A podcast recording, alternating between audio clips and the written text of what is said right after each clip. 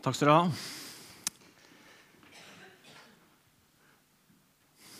Går det bra med dere? Ja, så fint. Det er godt, eh, jeg syns det er eh, etter alle helgens Det er alle helgenssøndag, og det er liksom håpet vi har. Det er godt, syns jeg. Det er viktig. Og Det er ikke bare det livet her, men det er et håp om noe mer. En himmel. Det er ikke slutt. Det er ikke, på, det er ikke slutt, det er på gjensyn. Jeg har to flotte jenter. Eller jeg har tre, egentlig. Sara og Elisabeth er mine to yngste. Det er fint å ha jenter, altså. Eh, og de lager mye liv. Eh, og Av og til så kan jeg sitte i kirkebenken her og bli skikkelig flau. For jeg føler det er de som bråker mest. Men så tenker jeg da er det kanskje lav terskel for å ta med barna hit. Eh, men, eh, og Det er gjerne fra barnemunn du skal høre mye rart. Eh, og jeg har referert til det før og tenkte nå kan jeg gjøre det igjen. fordi at Tine hun, hadde, hun hørte Sara og Elisabeth prate sammen. Og så sa Sara vi skal ikke høre på radio, da. Og så svarer Elisabeth, 'Vet du hva radio er for noe, eller?' Eh, så ble jeg stille, og så sier Elisabeth, 'Det er der du kan høre Jesus snakke.' 'Og det er der de prater om det som er i kirken.' Det er det som skjer på radio. Så jeg vet ikke hvor mye de har hørt på podkast i bilen min. eller eh, Det er i hvert fall tro på hjemmebane hos oss, da. Vi er inne i en taleserie som uh, Hans Edvard nevnte på at det handler om side om side, og vi har utgangspunkt i Nehemja. Og Forrige søndag så var det Misjonsforbundets dag. og da, det er det, vi er en del av, Skien misjonskirke er en del av Misjonsforbundet i en større sammenheng. Og da en, en gang i året så er det Misjonsforbundets dag. Og Da talte Martin om at vi bygger en menighet, og vi ønsker å ha alle med. Litt i samme spor som der vi er i dag. Og eh, Vi er altså i Nehemja. Og vi har kommet til kapittel 3. Og Hvis ikke du har vært her og fått med deg alle til nå, så skal vi faktisk spole litt tilbake, sånn at du har et bakteppe for hva er, hva er som grunnen til av det som skjer i kapittel 3. Nehemia han, eh, vil jeg si var en kjekk kar. Jeg har ikke sett bilde av han, men eh, etter å ha lest Nehemia noen ganger nå, så har jeg skjønt at han må ha vært en veldig bra kar. Eh, han levde for 450 år før Kristus, dvs. Si 2500 år siden. Så det er ganske lenge siden. Nehemia han var en jøde, og sammen med foreldrene sine så han blitt eh, bortført derfra. Så nå var Nehemia i Persia og jobba for, eh, for, kongen der. Og det han var, det var at han var munnskjenk. Og jeg vet, På torsdag så var jeg inne på Nav sine sider og søkte opp munnskjenk. Men det var ikke noe jobbe ledig som munnskjenk. Det har kanskje gått ut. Det kom liksom opp et alternativ om jeg hadde skrevet feil, men jeg hadde ikke skrevet feil. selv om jeg hadde dysleksi, så jeg det. Så det var ingen ledige jobber som eh, munnskjenk. Ikke det at jeg søker ny jobb, men for for med hva er munnskjenk? Det tenker jeg det må ha vært ganske bra. For det man gjorde da, da skulle man smake på den maten og drikke den maten kongen skulle ha. Og det må jo ikke ha vært ganske lite, så han smakte sikkert mye god mat. Men bakdelen var da at den kunne jo være giftig, den maten. Så for at ikke kongen skulle dø, så døde altså kunne munnskjenken ta kvelden. Men så det er kanskje Når han spiste det, kanskje han hadde en liten, smakte litt ekstra hvordan det ville smake. Men jeg håper han seg med maten. Uansett så kunne det være litt risky business. det med munnskjenk. Men en dag så får Nehemia besøk. Det er alltid koselig med besøk, og Nehemia får besøk av brødrene sine og noen venner. Og så det er jo sånn Når du får besøk, så spør du hvordan går det hjemme. Hvordan går det med folket? Og så svarer de at vet du hva, det går ikke så bra. Jerusalems murer de eh, smuldrer opp, og portene de er nesten brent opp. Og det går dårlig med folket vårt. Og når Nehemia får høre det her, så blir han oppriktig lei seg. Så han setter seg ned og begynner å gråte og be til Gud. Og Så går det litt tid, så merker kongen at Nehemia han er lei seg. Og Kongen og Nehemia har tydeligvis nært forhold, så kongen spør hvorfor er du så lei. da? Og Da sier Nehemia vet, vet du hva jeg har hørt? at folket mitt hjemme de har det ikke noe bra. Og så sitter jeg her med deg på palasset her og tenker nei, jeg kan ikke være her. Jeg vil, jeg vil så gjerne hjelpe folket mitt til å bygge opp muren igjen.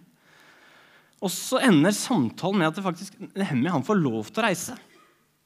Han får ikke bare lov til å reise, men han får lov til å ta med seg tømmer og andre ting, som at han kan begynne å komme i gang med å bygge muren.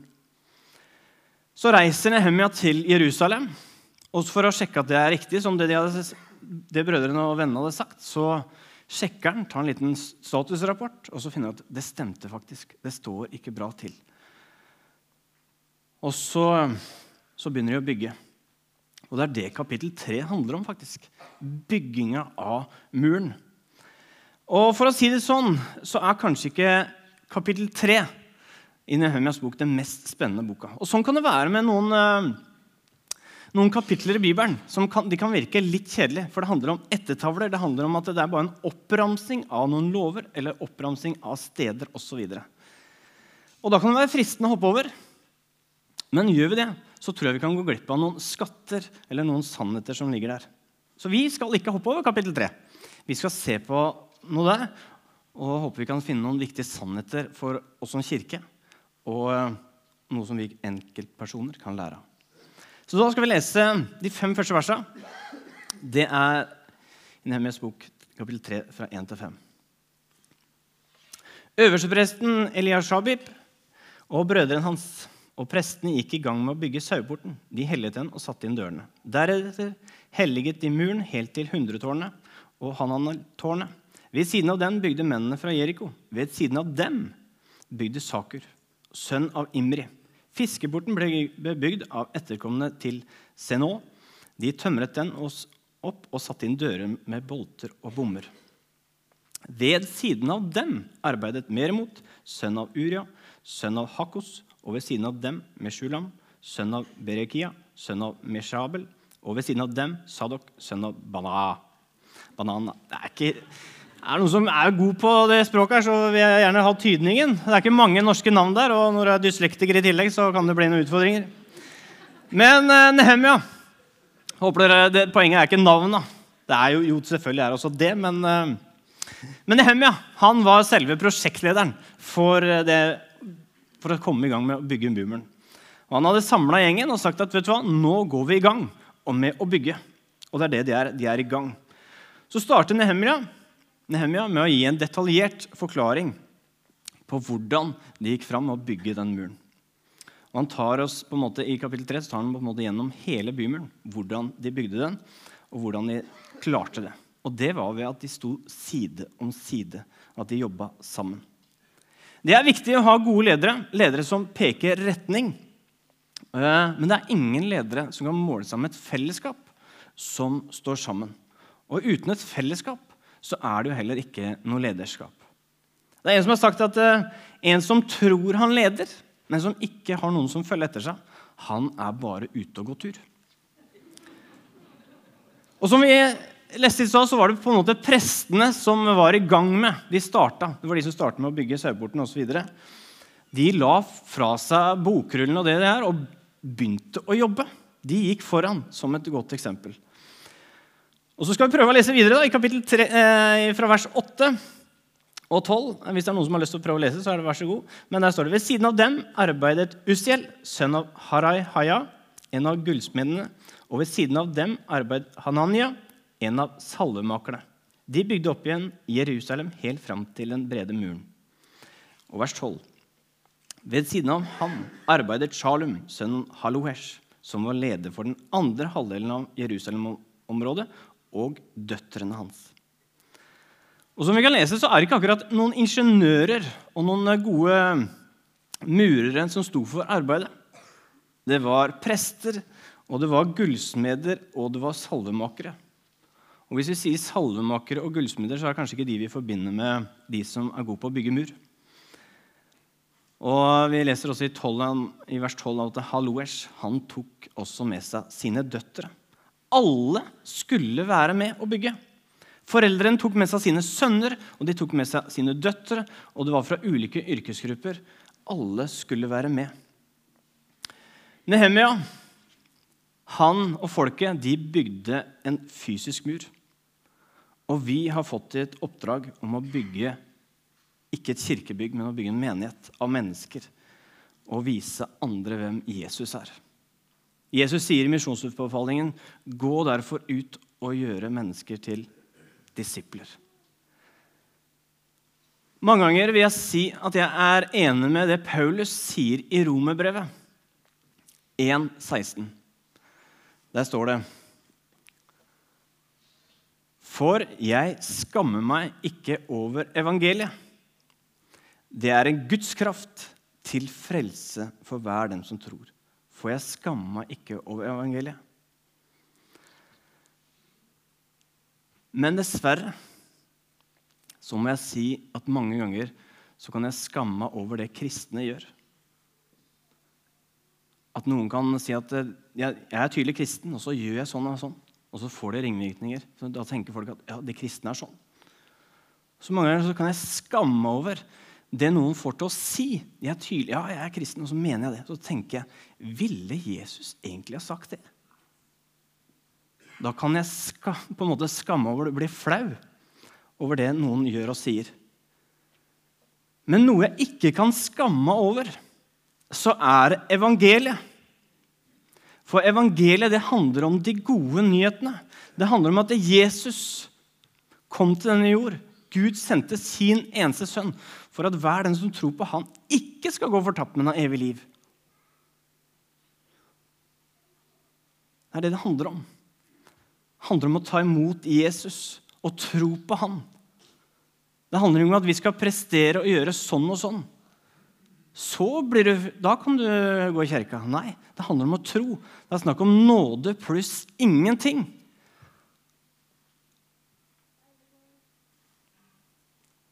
Og det som er, Når vi tar imot Jesus og får en relasjon til han, så handler det også om at noe han ønsker for oss. Han ønsker å gi oss håp. Han sier han vil gi oss fredstanker.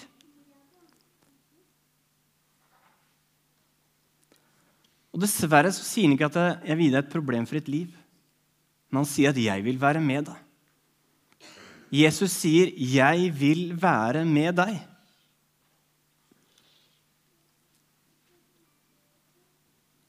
Og så har vi ikke bare det for øyet, men vi har også en himmel som vi har fokus på i dag. En himmel hvor vi skal få lov til å komme hjem, hvor det ikke skal lenger være noe smerte. Det skal ikke lenger være tårer. Han skal tørke bort hver tåre. Det er det vi har for øye. At det er noe mer enn det her. her. Og før vi er hjemme i himmelen, så lever vi i Skien. Og så har Gud satt oss sammen som en menighet. Et fellesskap der vi får lov til å lære å kjenne Jesus og vokse sammen og vokse i kjennskap til Han. Og et fellesskap hvor vi skal lov til å støtte hverandre i livet. Det er de gode nyhetene jeg ikke kan skamme over. Hadde jeg vært en selger, så tenker jeg at det er, lett å på en måte, Det er en god pakke. Det er en tro som er gratis, og det er et fellesskap hvor vi støtter hverandre. Det er det her, her du er ønska til å være med og bygge videre på. Og Vi er ikke en organisasjon eller en kirke som er for profesjonelle eller noen superhelter. Samme som de som jobba på muren, det var vanlige mennesker. Det var ikke noen fagarbeidere på mur. Nehemia var ingen ingeniør. Han hadde et hjerte for folket og en lengsel etter å hjelpe. Og så sto de side om side med et felles mål. Og selv om ikke vi er noen superhelter, så snakker Paulus om at eh, menigheten og vi som bidrar inn der, at vi kan sammenlignes som en kropp. At vi er forskjellige lemmer på en kropp. Så skal vi lese 1. Korinterne 12, hvor det står om det. For kroppen består ikke av én kroppsdel, men av mange. Om når foten sier 'fordi jeg ikke er hånd, hører jeg ikke med til kroppen', så er den like fullt en del av den. Om øret sier 'fordi jeg ikke er øye, hører jeg ikke med til kroppen', så er det like fullt en del av den. Hvis hele kroppen var øye, hvor ble det da av hørselen? Hvis det hele var hørsel, hvor ble det da av luktesansen? Men nå har Gud gitt hver enkelt lem sin plass på kroppen slik han ville det. Hvis det hele var én kroppsdel, hvor ble det da av kroppen? Men nå er det mange kroppsdeler, men bare én kropp. Øyet kan ikke si til hånden 'Jeg trenger deg ikke', eller hodet til føttene. Jeg har ikke bruk for dere. Tvert imot. De delene av kroppen som synes å være svakest, nettopp de er nødvendige. Paulus han bruker, er ganske smart, men han bruker kroppen som et bilde på menigheten. Et bilde som ikke går ut på dato. Et bilde som får fram at alle er like viktige. Og vi trenger alle sammen for å være da en kropp. Du er altså et lem på denne kroppen. Og du kan bruke ordet 'medlem', der vi alle er lemmer på Guds menighet. Der det ikke handler om å komme inn, en, inn i en protokoll. Nei, det handler om at vi er Guds menighet som er sammen. Og så er vi forskjellige. Vi er forskjellige lemmer på denne kroppen, og vi kan bidra på forskjellige områder. Noen av oss vi er praktik, eh, praktiske, praktiske, andre er teoretikere. Og Noen er innadvendte, noen er utadvendte. Og så er vi forskjellige, men uansett så er vi viktige alle sammen. Og I tillegg så har også du din livserfaring. Hvor du kanskje har gått gjennom sorg eller tap eller sykdom eller noe som har vært utfordrende til deg, som har vært med å forme deg, så kan du det, bruke det i møte med andre. Og så har du som sagt dine gaver, dine talenter. Og så kan vi jobbe forskjellig inn på dette her. I og utenfor menigheten. Og bare det For å få til denne gudstjenesten her, da, så er det mange som er involvert. Og Det er lett å tenke at de som er med på gudstjenesten, det er selvfølgelig de som står på scenen her. Han som taler og leder, og de som er med og synger og spiller. Men det er så mye mer enn det. Du ble møtt med noen i døra. Det er noen som styrer lyden her for at du skal høre bra. Det er noen på bildet som sørger for at bildet kommer fram. Vi har en hel drøss som er med og bidrar i barnearbeidet. Vi har noen som har ansvar for kirkekaffen. Og så har vi noen som sørger for at bygget her er klart til gudstjeneste. Vi har eh, noen som har vært her og støvsuga. Var det noen som støvsuga i går her? Og det skal være rent og fint. Det er kjedelig å komme inn her, altså er det stygt. Vi har noen som har sittet i eh, komiteer og planlagt møte. Hvilken strategi skal vi ha nå? Hvilken vei skal vi gå? Noen er med i forbønnstime. Noen har gjort klar nattverdsmåltidet. Og noen er med på dekor, osv. Jeg tipper at det er kanskje rundt 70 personer som har lagt ned i alt fra dager til timer for at denne gudstjenesten her skal bli så bra som mulig. Alt henger sammen. Om du er hjemme og baker en kake, til du blir hilst på i døra, så henger det sammen med at vi jobber sammen mot samme mål fra ulike områder. Det var to karer som jobbet for en eh, byggherre. Hvis dere vil, så kan dere gå på galleriet og sitte der og vente. Sitte dere inne der. Slipper å stå i døra. Det var to byggherrer som, eh, eller nei, det var to karer som jobber for en byggherre.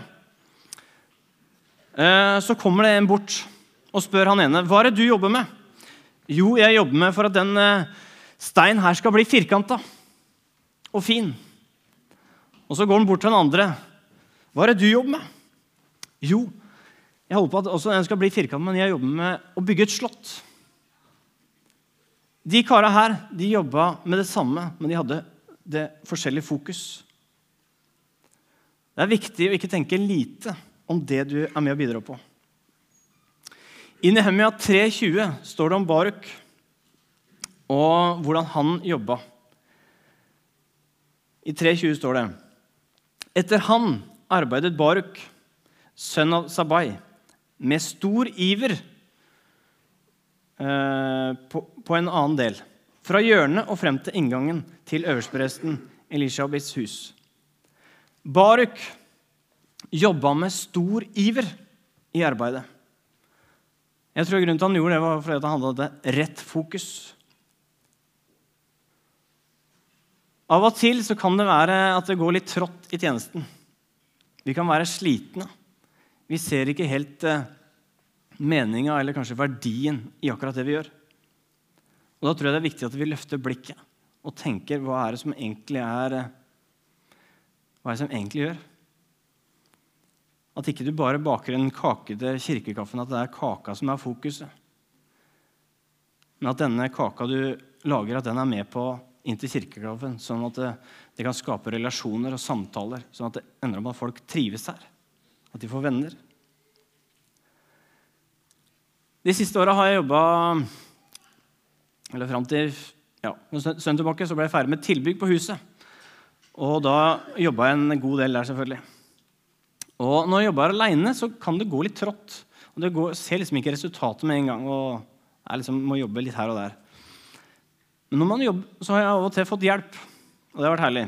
Men når man da står sammen to og to, så er det noe helt annet. Og Det var en som sa det at eh, når vi sto sammen, at én jobber som én. Men når to jobber sammen, så jobber de som tre. Det er noe med kraften ved det å jobbe sammen, side om side. I Forkynnerne 4,8 står det det er bedre å være to enn én. De får god lønn, får sitt strev. For om de faller, kan den ene hjelpe den andre opp. For om de faller, kan den ene hjelpe den andre opp. Det handler om at, eh, å være bevisst på at vi står sammen. Og når vi står sammen, så kan vi støtte hverandre og oppmuntre hverandre. For det vil være tider når du kjenner i tjenesten at vet du hva, er, nå er det trått. altså. Da kan det være godt hvis noen, du kan kjenne at noen kan bære deg. Og så vil det være tider der du kjenner at ja, nå, nå har jeg krefter. Da kan kanskje du hjelpe andre. Og Når vi er bevisste på det her, at vi står sammen, om det er noen i smågruppa di eller noen andre, så kan vi tjene sammen og være der for hverandre i nærhet. Oppmuntring og hjelpe hverandre til å holde fokus på hva vi egentlig gjør for noe. Nå skal vi ha en liten eh, break. Vi skal strekke på beina. Nei, vi skal ha et intervju med Turi Hasse. Så kan dere komme fram. Intervjue dere litt om eh, tjeneste.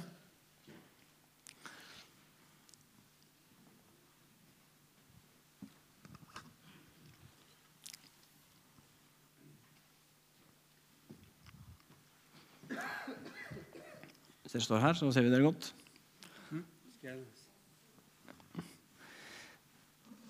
Turi og Hasse. De fleste kjenner eh, de her, her kanskje. Dette er Hasse Olsen og Turi Olsen. Ja.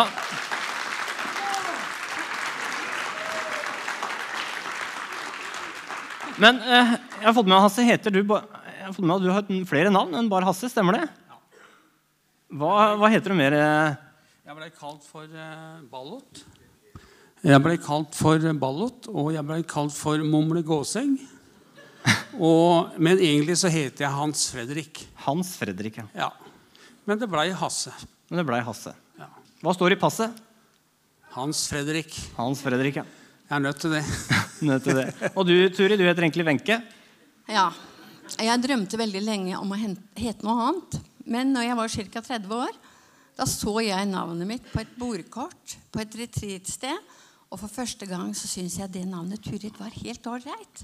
Og siden har det vært helt greit. Ja, det var helt greit. Men dere, har, dere er glad i menigheten. ja. Si sånn, hvorfor er dere så glad i menigheten? Ja. Det er fire ord. Jeg liker meg her. Eller på ordentlig språk kanskje 'jeg liker meg her'. Og så ser jeg dere så liker jeg meg enda mer. For det er vi som er menigheten. Det er dere som er menigheten. Og det er gjengen oppe på, på, på galleriet òg som er Du må ikke bare være halleluja. Du må, må løfte én hånd. Det er det som er trikset når du har mikk. Jeg kan ikke det her. Jeg kan ikke det her. Nei, Vi blir jo utfordra på å svare de, på de spørsmålene han sier. Og, Hasse og jeg og sier, Han kunne jo spurt noen som har vært her hele livet. Vi har vært her i 19 år. Men da måtte vi tenke hva er det som gjør at vi holder på og er glad i menigheten. Og det er jo å komme hit og møte mennesker er viktig. Og entusiasmen som vi kjenner her fra lederskap og det som skjer her eh, hele veien, det er viktig. Og jeg får en fornemmelse av noe som er Gud og mennesker er sant. Og det møter jeg her. Mm.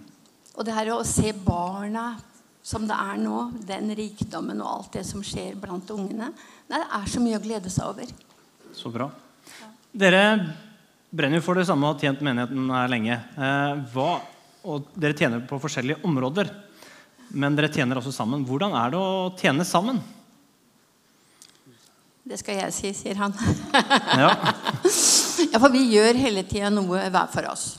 Det har vi alltid gjort. Han er eh, ungdomsarbeideren og bønnemann og hva det var for noe annet. Alfa? Alfamann. Um, og jeg vet ikke hva jeg er. Jeg er egentlig som en potet. Men det vi har gjort veldig mye, har vi gjort sammen. Og det som har vært så bra for oss, det er det at vi har fått gjort de tinga som vi har brent for. Ikke det at vi har fått masse spørsmål vil du være med på det og være med på det.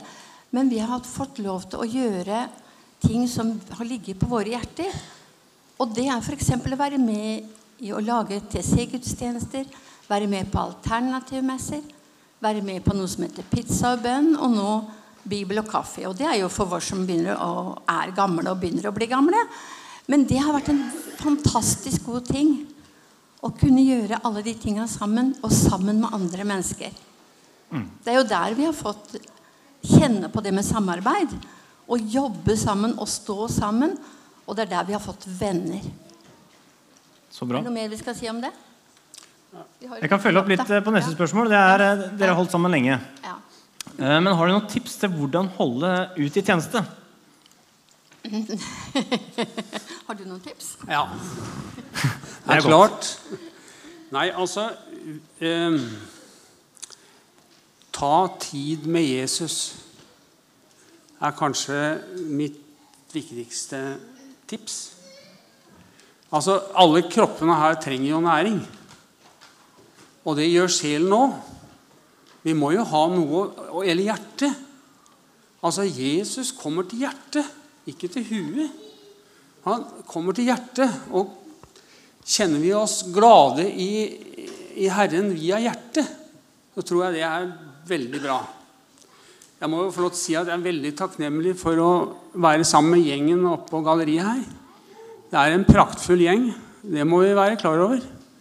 Så eh, ære være dere gutter og jenter. Du får, tom, du får tomler opp tilbake. altså. Hæ? Du får tommel opp tilbake. Ja. Hva sa du nå? Nei, jeg sa bare noe kjekt til deg. Ja. Jeg er ikke strukturert, men eh, jeg er veldig glad. Og jeg er glad i Jesus. Ja. Eh, Jeg tror tillitsforholdet til Gud er viktig. At Som vi sang her, faktisk på den første sangen, så sang vi at eh, Gud er konstant. Og for meg så er han konstant. Og Gud har tillit til oss uansett hvordan vi kjenner det eller føler. Og nå skal vi ha nadvær. Det er Guds gave til menneskene. Han viser oss tillit ved at vi kan komme fram og ta imot nadværen. Ja. Det er bra, det. Kan jeg si litt, da? Ja, det er den siste. Ja, siste minuttet. Ja. Nei, jeg tenker det at eh, vi begynner å bli gamle da. Og vi holder koken, og vi holder på. Og det er fordi at eh, det er en sånn følelse av det er viktig at vi er til stede og ser Er det noen er det noe folk trenger? På en måte At vi er med i den prosessen. Fordi vi sjøl har opplevd Guds godhet og kjærlighet veldig stort i våre liv. Og opplever det hele tida. Og det blir et sånn sterkt ønske om at det må alle oppleve. Og fra barna som kommer inn her, og til vi blir gamle og dør, at en skal få lov til å kjenne at eh, vi er verdifulle. Gud er i livet våre. Og vi vil gjerne være med på det. Og det tror jeg vi kan være med på helt til vår siste pust. Heller til vi blir så skrøpelige. Kanskje ikke vi har mer enn halv pust. Men du snakker om tjeneste. Og jeg tenker et ord som har blitt så viktig for meg, det er at vi hele livet kan samarbeide med Gud. Samarbeide med Gud. Og det kan være så mange ting. Og det jeg er glad for, det er at jeg har fått lov til å samarbeide med Gud ut fra mitt eget hjerte, og ikke ut fra mange menneskers krav. Og det er en god ting her i kirka vår. Amen. Amen. Takk skal du ha.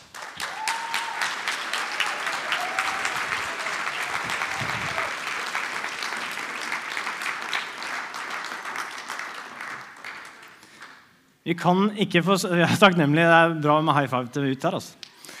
Men det handler om at vi står sammen. Eh, og Vi kan ikke få sagt det nok at vi er takknemlige for dem, men vi er også takknemlige for hver enkelt av dere som er med og bidrar inn i menigheten på en eller annen måte. Og vi trenger hverandre. Nehemia han var en ja-mann. Nehemia. Han sa ja. Og jeg håper også at du er villig til å si ja til oppdraget. At vi står sammen om det som er det viktige, at vi når ut med evangeliet, at vi står sammen i det det egentlig handler om. Nå begynner vi å bli klare for nattverd, eller? Jeg tror jeg skal avslutte med en uh, kort bønn, og så skal vi ha en sang, og så går vi på nattverden. Ja, koselig, hæ? Skal vi be. Jesus, takk for eh, at du ønsker at vi skal være med på ditt oppdrag, Jesus. Jeg takker for hver enkelt av oss herre, som er her, som er med og bidrar. Be om at du må velsigne de herre, rikt, Herre. Og la oss hjelpe oss til å holde fokus, og at vi kan tjene med stor iver, Herre, på at vi tjener deg, Jesus. I Jesu navn. Amen.